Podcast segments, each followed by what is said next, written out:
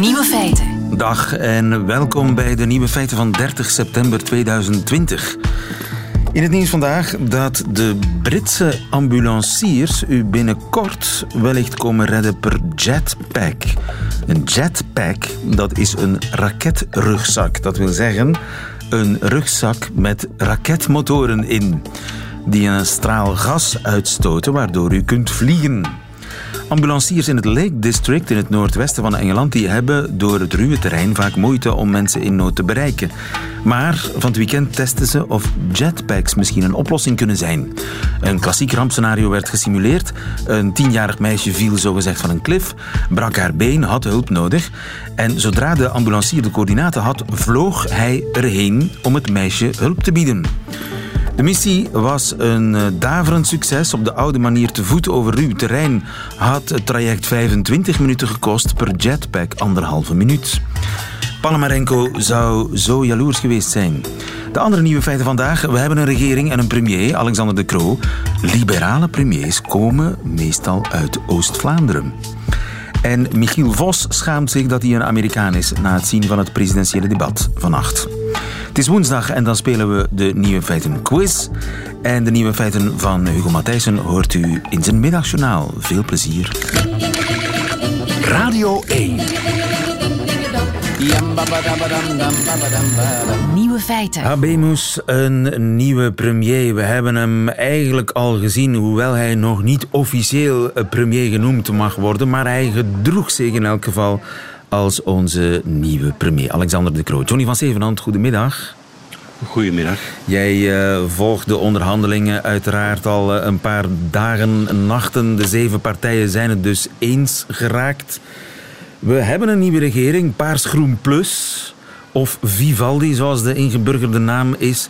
Uh, maar die, dat zelfvertrouwen en die vriendelijkheid van onze nieuwe premier, dat viel toch wel op, hè? Dat viel op en, en de zelfverzekerdheid. Uh, hij gedroeg zich, zoals ik net in het nieuws zei, als een premier. Uh, hij deelde complimenten uit, maar hij, hij zorgde er ook voor dat hij heel dicht bij PS-voorzitter Magnet stond. Zijn co-formateur op dit ogenblik.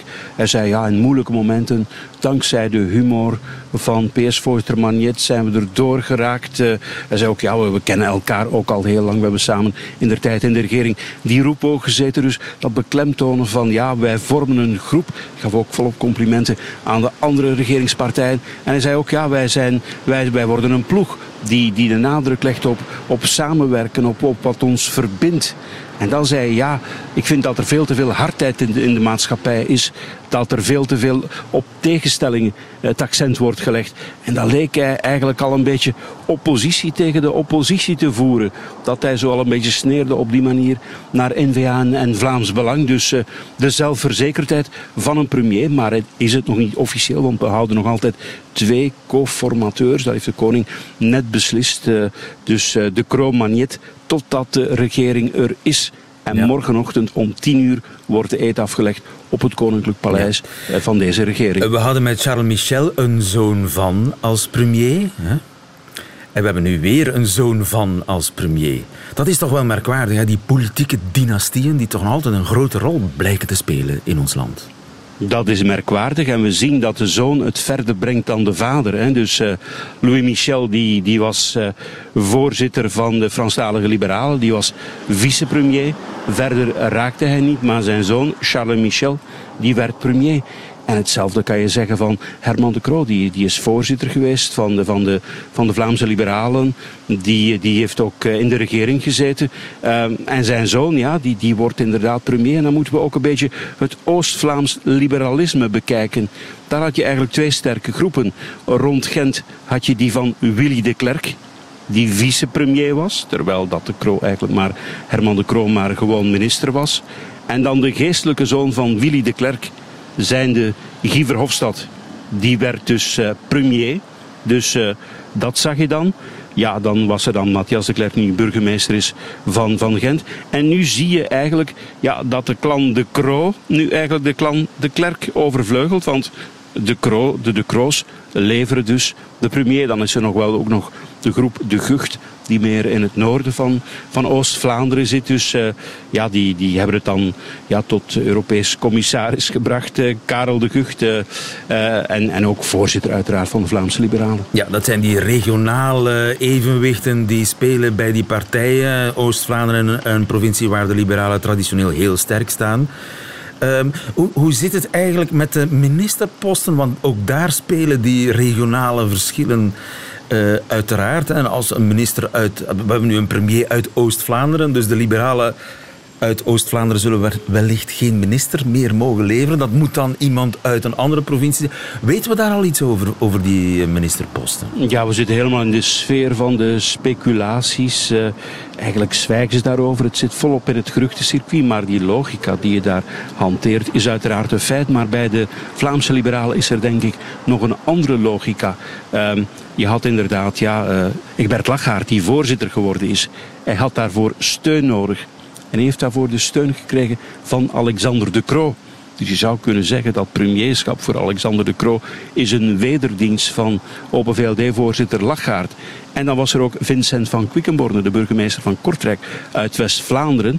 Die heeft ook Lachaert gesteund.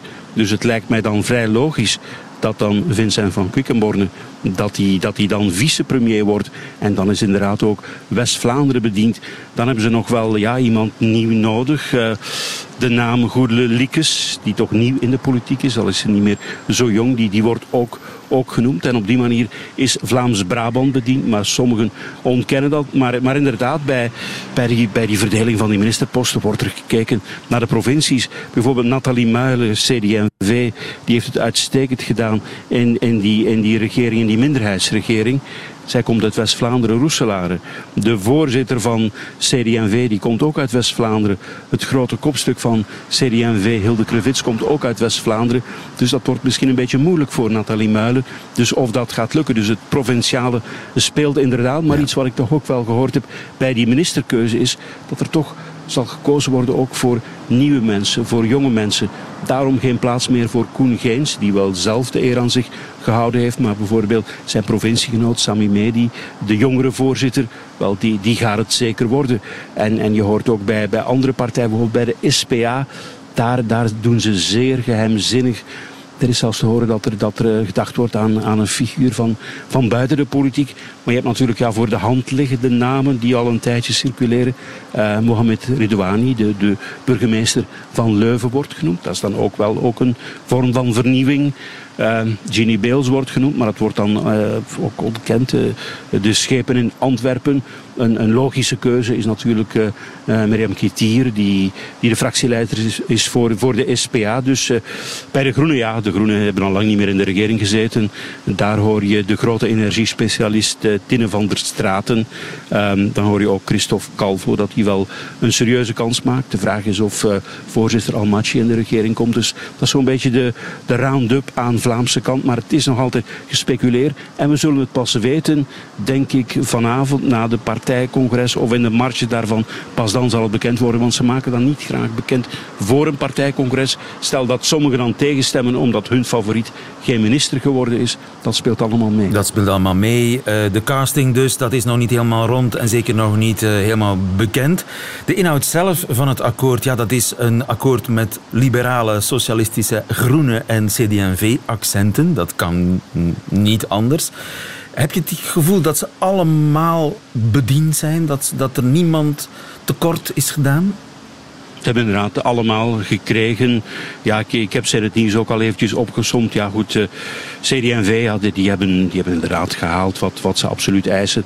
Dat er pas uh, kan beslist worden rond abortus of andere ethische thema's wanneer zij er mee eens zijn. Ze krijgen daar een soort vetorecht bijvoorbeeld. Staatshervorming, er worden er zelfs twee ministers voor aangesteld, uh, zodat die er kan zijn vanaf 2024. Uh, eh, dat hoor je, socialisten die 1500 euro minimumpensioen, herfinanciering van, van de sociale zekerheid uh, met 2,5% de gezondheidszorg. Dus dat, dat zie je ook bij de liberalen. Voor de liberalen was het eigenlijk ook heel erg belangrijk dat zij ook alles konden binnenhalen wat, wat de Zweedse regering, de vorige regering had binnengehaald. Dat het niet teruggedraaid werd, want socialisten hadden daar veel kritiek op gegeven. Dus verhoging van de pensioenleeftijd dat, dat blijft bijvoorbeeld een, een feit. of ook minder lasten voor de bedrijven via de taxshift, dat, dat, dat, dat komt er ook. Ehm, ja, het groene accent was mij nog niet helemaal duidelijk. Bij de groene bijvoorbeeld, er komt extra geld voor het spoor. Ehm, dan ehm, dan die, ja, de besluiting van de kerncentrales. Er is daar nu een studie over. En in principe willen ze zich houden aan de wet van 2025. En die wet zegt dat de kerncentrales dichtgaan. Um, dus er is ook nog een accent dat de Groenen wel heel belangrijk vinden in verband met uh, migratiebeleid. Er komt inderdaad een strengel asielbeleid met meer het accent op terugkeer, met meer capaciteit in gesloten uh, centra. Maar er is bedongen door de Groenen bijvoorbeeld dat er nooit nog kinderen uh, van afgewezen asielzoekers in zo'n gesloten centrum opgesloten worden. Dus, dus dat, dat zie je dus allemaal. Iedereen heeft, ik, ik, kan, ik kan ook veel langere lijsten uh, per partij laten Voor zien. Voor elke wat wils. Uh, ze, ze, willen er staan als een hechte ploeg. We zullen afwachten hoe lang die eensgezindheid uh, zal duren. En we zullen ook afwachten wie de ministerposten krijgt toegeschoven. Dankjewel. in de wedstrijd voor ons Johnny van Zevenand. Goedemiddag. Graag gedaan. Radio 1. Nieuwe feiten. Good evening. I'm Chris Wallace of Fox News, and I welcome you to the first of the 2020 presidential debates between President Donald J. Trump and former Vice President Joe Biden. For the record, I decided the topics and the questions in each topic I can assure you, none of the questions has been shared with the two candidates. De halve wereld zat vannacht met kloppend hart voor de kleurentelevisie voor het eerste debat tussen Joe Biden en Donald Trump. Zo ook Michiel Vos. Goedemiddag, Michiel. Goeiedag, lieve. Onze Amerikaan, schoonzoon van eh, Nancy Pelosi, de speaker in de House voor de Democraten. Feest van de democratie zou het moeten zijn, zo'n tv-debat tussen twee kandidaat-presidenten. Was het ook een feest? Nee, dit was een shitshow. Het was echt heel erg. Dit was een blamage, denk ik, voor de Amerikaanse democratie.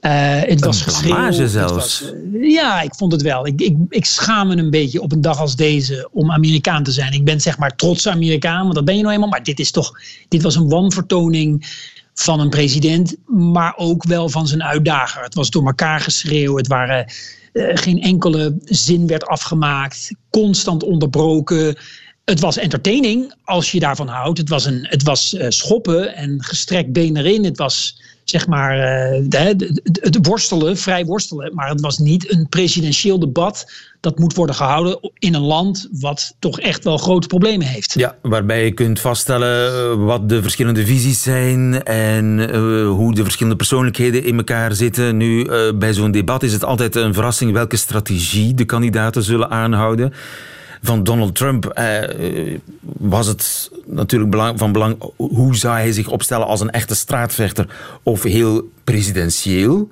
Wat, wat heeft, welke keuze heeft hij gemaakt?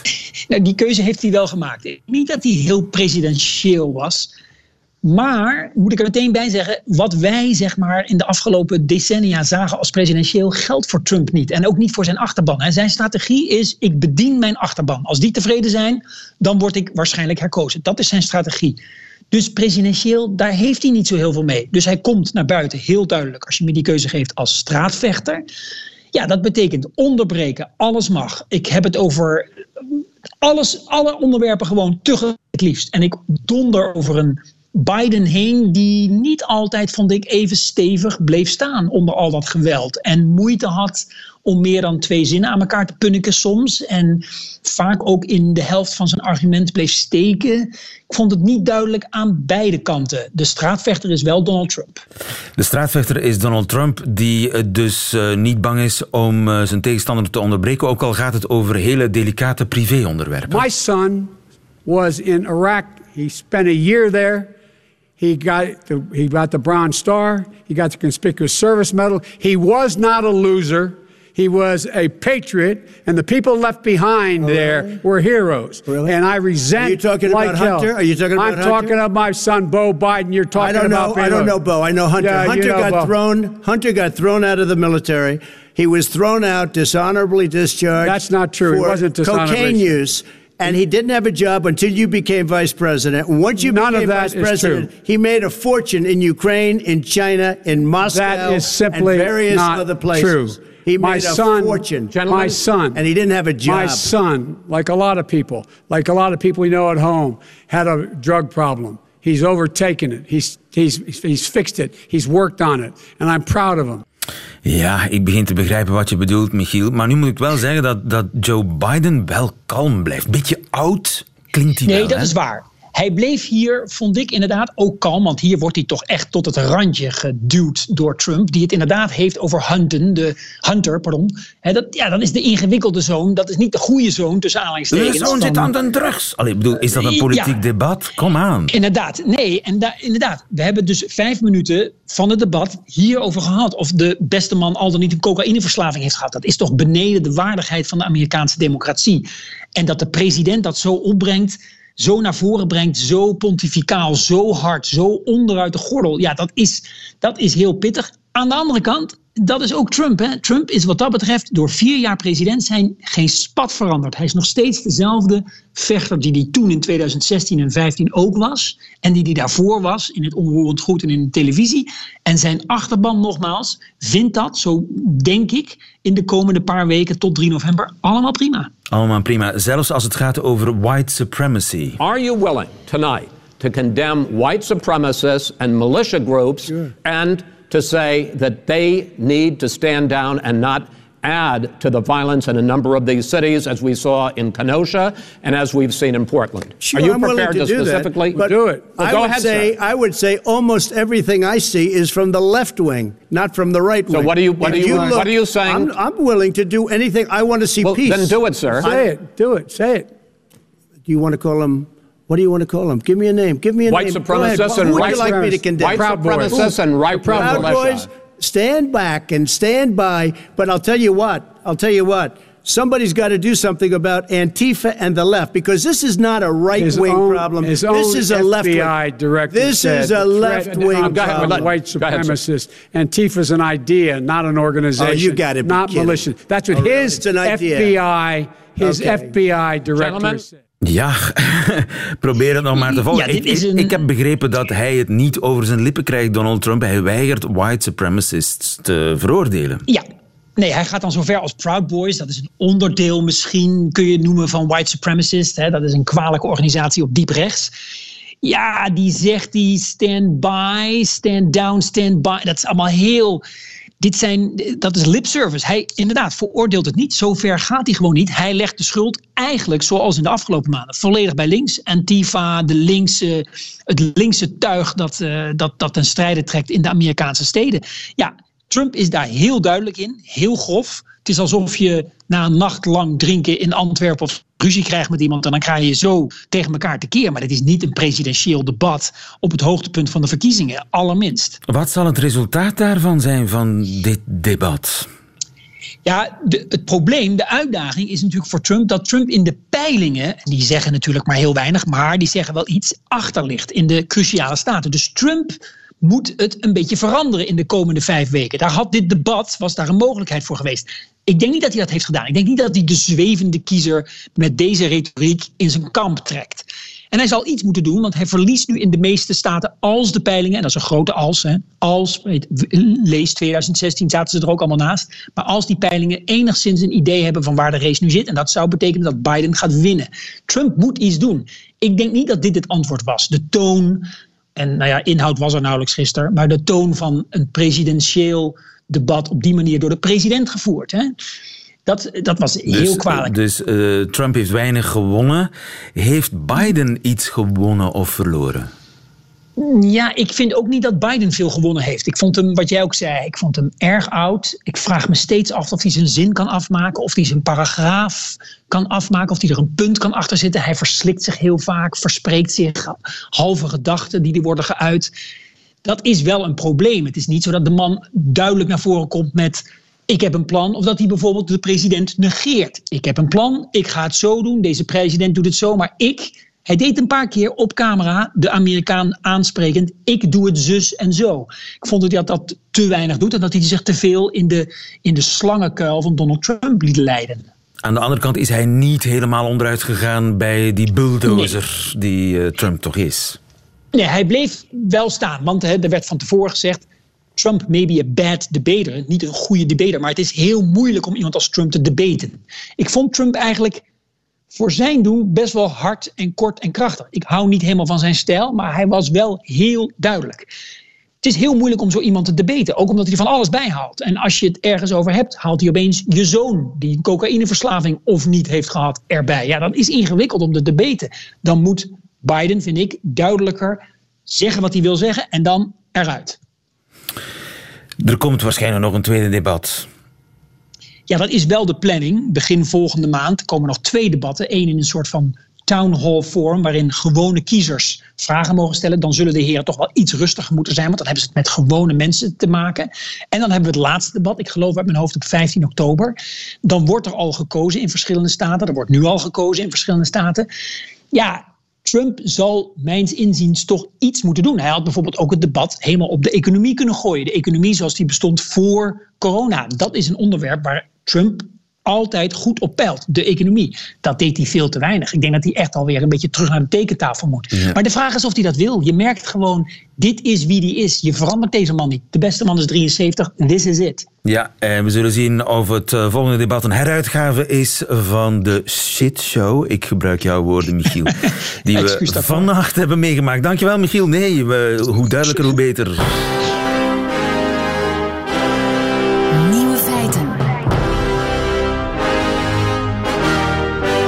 Feiten quiz. De terecht nu al legendarische Nieuwe Feiten quiz die we elke woensdag spelen voor een boekenbon van 25 euro te verzilveren bij de onafhankelijke boekhandelaar. Dat wil zeggen de boekhandelaar aangesloten bij Confituur. We spelen vanmiddag met Matthias onder meer. Dag Matthias. Goeiedag. Matthias Koevoets, wat een prachtige naam. Je bent verpleegkundige, werk je vandaag? Nee, ik heb eh, een dag gekuk. Zo hoort dat ook. En wat was je aan het doen? Uh, eten aan het maken. Ik ben trots op je, Matthias Koevoets. Daniela, goedemiddag. Goedemiddag. Daniela Kools, wat was jij aan het doen? Ik was naar het programma aan het luisteren. Het is je geraden ook. Zoals elke dag, Daniela. Blijft? Zoals elke dag luister je naar nieuwe feiten? Ja, inderdaad. Ja, toch, ja, eigenlijk ja, zoals elke dag, ja. Ik hoop dat je dat onafhankelijk van het resultaat dat je behaalt in deze quiz zal blijven doen. Ik heb voor jullie vijf meer keuzevragen. Uh, ik begin bij Matthias. Die had zich eerst gemeld. Zolang Matthias juist antwoordt, blijft hij aan de beurt. Bij een fout antwoord mag Daniela een uh, poging wagen om de vraag te beantwoorden. En wie het laatste juiste antwoord heeft gegeven, die wint. Het is een hele simpele quiz en elke week sla ik erin om in de soep te laten draaien. Als de slechtste quizmaster aller tijden. Maar we gaan toch beginnen. Matthias, ik begin bij jou. Een Amerikaan uit de staat Illinois heeft al 60 jaar een aandenken aan Richard Nixon bewaard thuis. Om welk voorwerp gaat het? A. Een gratis zeepje dat Nixon uit het Watergate Hotel had meegenomen. B. De tandenborstel die de oud-president in het Witte Huis gebruikte. C een broodje kip dat Nixon maar voor de helft had opgegeten en daarna weggegooid. A, B of C? Wat denk je, Matthias? Uh, B. Je denkt B. Dat is fout. Dat betekent dat we naar Daniela gaan. Daniela, wat denk jij? Ik denk 1. Je denkt 1. Dat is ook fout. Dat betekent, beste jury, dat de beurt teruggaat naar Matthias. Uh, dezelfde vraag of een andere vraag? Andere vraag. Andere vraag, oké. Ik vind quizzen verschrikkelijk. Ah, vraag 2, Matthias. Ja, maar ik moet eerst nog vraag 1. Ja, dus uh, C, hè, broodje kip, dat Nixon maar voor de helft had opgegeten. Dat was het juiste antwoord, inderdaad. In de diepvries stak het al die, al die tijd. Vraag 2. Matthias. Vijf papegaaien moesten in een Brits safaripark uit het zicht van het publiek gehaald worden omdat ze zich misdroegen. Wat deden die deugenieten? A. De vijf vogels zaten in hun puberteit en paarden voortdurend. B. Ze hadden elkaar leren schelden en scholden de bezoekers uit. C. Een verzorger had in hun bijzijn slecht over de Queen gesproken en nu beledigen ze non-stop haar majesteit, Matthias. Wat denk je? C. Je denkt, zeg het nog eens. C. C. Fout.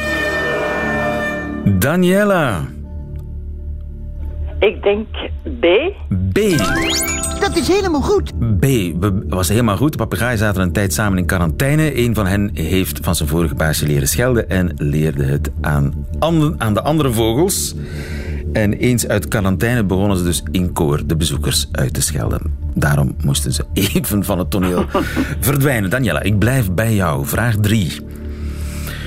De lockdown had ook voor de natuur positieve gevolgen. Wat voor effect had de lockdown op de gorzen, een vogelsoort in San Francisco? A. Nu het veel stiller was in de stad, haalden de vogels hun meest sexy liedjes boven. B. Ongestoord door wandelaars begonnen ze het plastic rond hun nesten op te ruimen. C. Omdat het zo rustig was, vlogen ze meer de stad in en hielpen zo de inwoners van een rupsenplaag af. Daniela, Ik denk 1. je denkt A. Dat is helemaal goed. Fantastisch. Het verkeer in de stad was voor de lockdown zo luid dat de vogels eh, hun repertoire moesten aanpassen, harder en hoger zingen. En de sexy liedjes verdwenen. En als de auto's eh, door de lockdown verdwenen en het andere stadslawaai ook verminderde, kwamen die sexy liedjes terug. Vraag 4, Daniela. Hou vol. Het Argentijnse parlementslid Juan Emilio Ameri nam vorige week ontslag nadat hij compleet onbedoeld een schandaal had veroorzaakt. Wat was er gebeurd? A. Op gelekte videobeelden was te zien hoe hij zich vrolijk maakte over de slechte prestaties van voetbalploeg FC Barcelona, de club van de Argentijnse voetballegende Lionel Messi. B. Tijdens een digitale zitting van het parlement was te zien hoe hij de borsten van zijn partner ontblootte en begon te kussen. C. Hij maakte bekend dat hij 50.000 euro had geschonken aan een goed doel. Achteraf bleek dat goede doel een dekmantel voor een criminele organisatie te zijn. Daniela, wat denk je? Ik zou denken 3. Drie. Fout. Matthias, wat denk jij? B. Dat is helemaal goed. Helemaal goed. Hij probeerde na het incident zijn excuses nog aan te bieden. Zijn partner had onlangs borstimplantaten gekregen en hij vroeg op dat moment hoe het met haar ging. Moest hij toch even voelen. Matthias, inderdaad, ik blijf bij jou. Vraag 5 alweer. Laatste vraag. Nieuw onderzoek toont aan dat bijen te trainen zijn. Waarvoor kan je bijen- trainen? A. Je kan ze trucjes leren en ze zo een mini-vliegshow laten doen. B. Je kan ze leren drugs en explosieven op te sporen. C. Door ze met voedsel te stimuleren kan je ze trainen om microplastics op te ruimen. Wat denk je? C. Je denkt C. Fout. Daniela. A of B? Ik hoop 2. Je hoopt 2. Dat is helemaal goed. En dat betekent dat wij een winnaar hebben.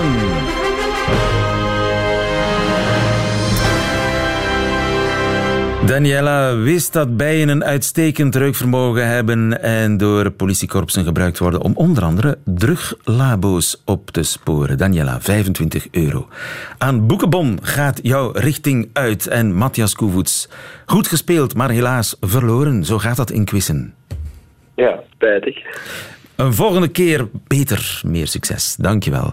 Ja. Matthias Koevoets en Daniela Kools. Daniela, proficiat nogmaals. Dank u wel.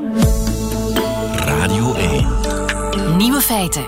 Dat waren de nieuwe feiten van 30 september 2020. Die van Hugo Matthijssen krijgt u nog in zijn middagjournaal. Nieuwe feiten. Middagjournaal. We weten allemaal hoe het coronavirus eruit ziet. Een soort rubberen bal, meestal paars of gifgroen, met van die trompetachtige uitsteeksels. En we weten ook wat het wel en niet doet. Het virus heeft bijvoorbeeld geen vakantie genomen, vertelde Steven van Gucht ons een tijdje geleden. Zo'n viroloog weet waarover hij het heeft. Het behoort dus tot de mogelijkheden dat het virus wel op vakantie gaat. Dit gegeven geeft ons het vooruitzicht op een normaal leven, zij het misschien heel tijdelijk, tot dat vaccin er eindelijk is. Stel je voor dat Van Gucht of iemand anders ons de volgende week laat weten: Dames en heren, geachte samenleving, het virus heeft twee weken Dominicaanse Republiek geboekt. Meer nog, het zit al op het vliegtuig. Cafés en dancings zouden meteen uitpuilen. Sportpaleizen lopen vol. De AB organiseert concerten vanaf 10 uur s ochtends. En er worden buurtfeesten georganiseerd waar ze in Sodom en in Gomorra nog wat van kunnen leren. Ja, ook in Gomorra, waar ze volgens bijbelkenners wel heel ver gingen. Na twee weken komt zo'n virus dan terug, lekker relaxed en gemotiveerd om er weer eens flink tegenaan te gaan, maar iedereen zit thuis uitgeput voor de buis met mondkapje. De rand van het kopje kamillethee werd met de wijsvinger ingesmeerd met alcoholgel. Het virus wil actie, maar het kan enkel machteloos toekijken van achter een kamerplant of zo. Het begint te twijfelen aan zichzelf en het krijgt psychosomatische klachten. Daarom gaat het op consult bij Dirk de Wachter, waar het zich kwetsbaar opstelt, want dat hoort daar zo. En dan worden we geconfronteerd met een ingewikkeld deontologisch vraagstuk. Wat moet de arts doen? Helpt hij dat leidende wezen er met een paar goede gesprekken weer bovenop? Of praat hij dat virus nog dieper de put in met het oog op het algemeen belang? Het is een duivelse vraag en ik ben blij dat ik ze niet moet beantwoorden.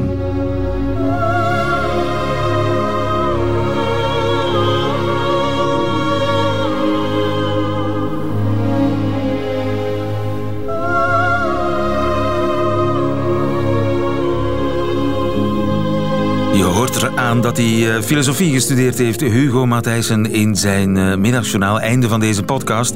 Hoort u liever de volledige uitzending met de muziek erbij, alles erop en eraan? Dat kan natuurlijk ook via onze site of via onze app, waar nog veel meer fijne podcasts te vinden zijn. Tot een volgende keer.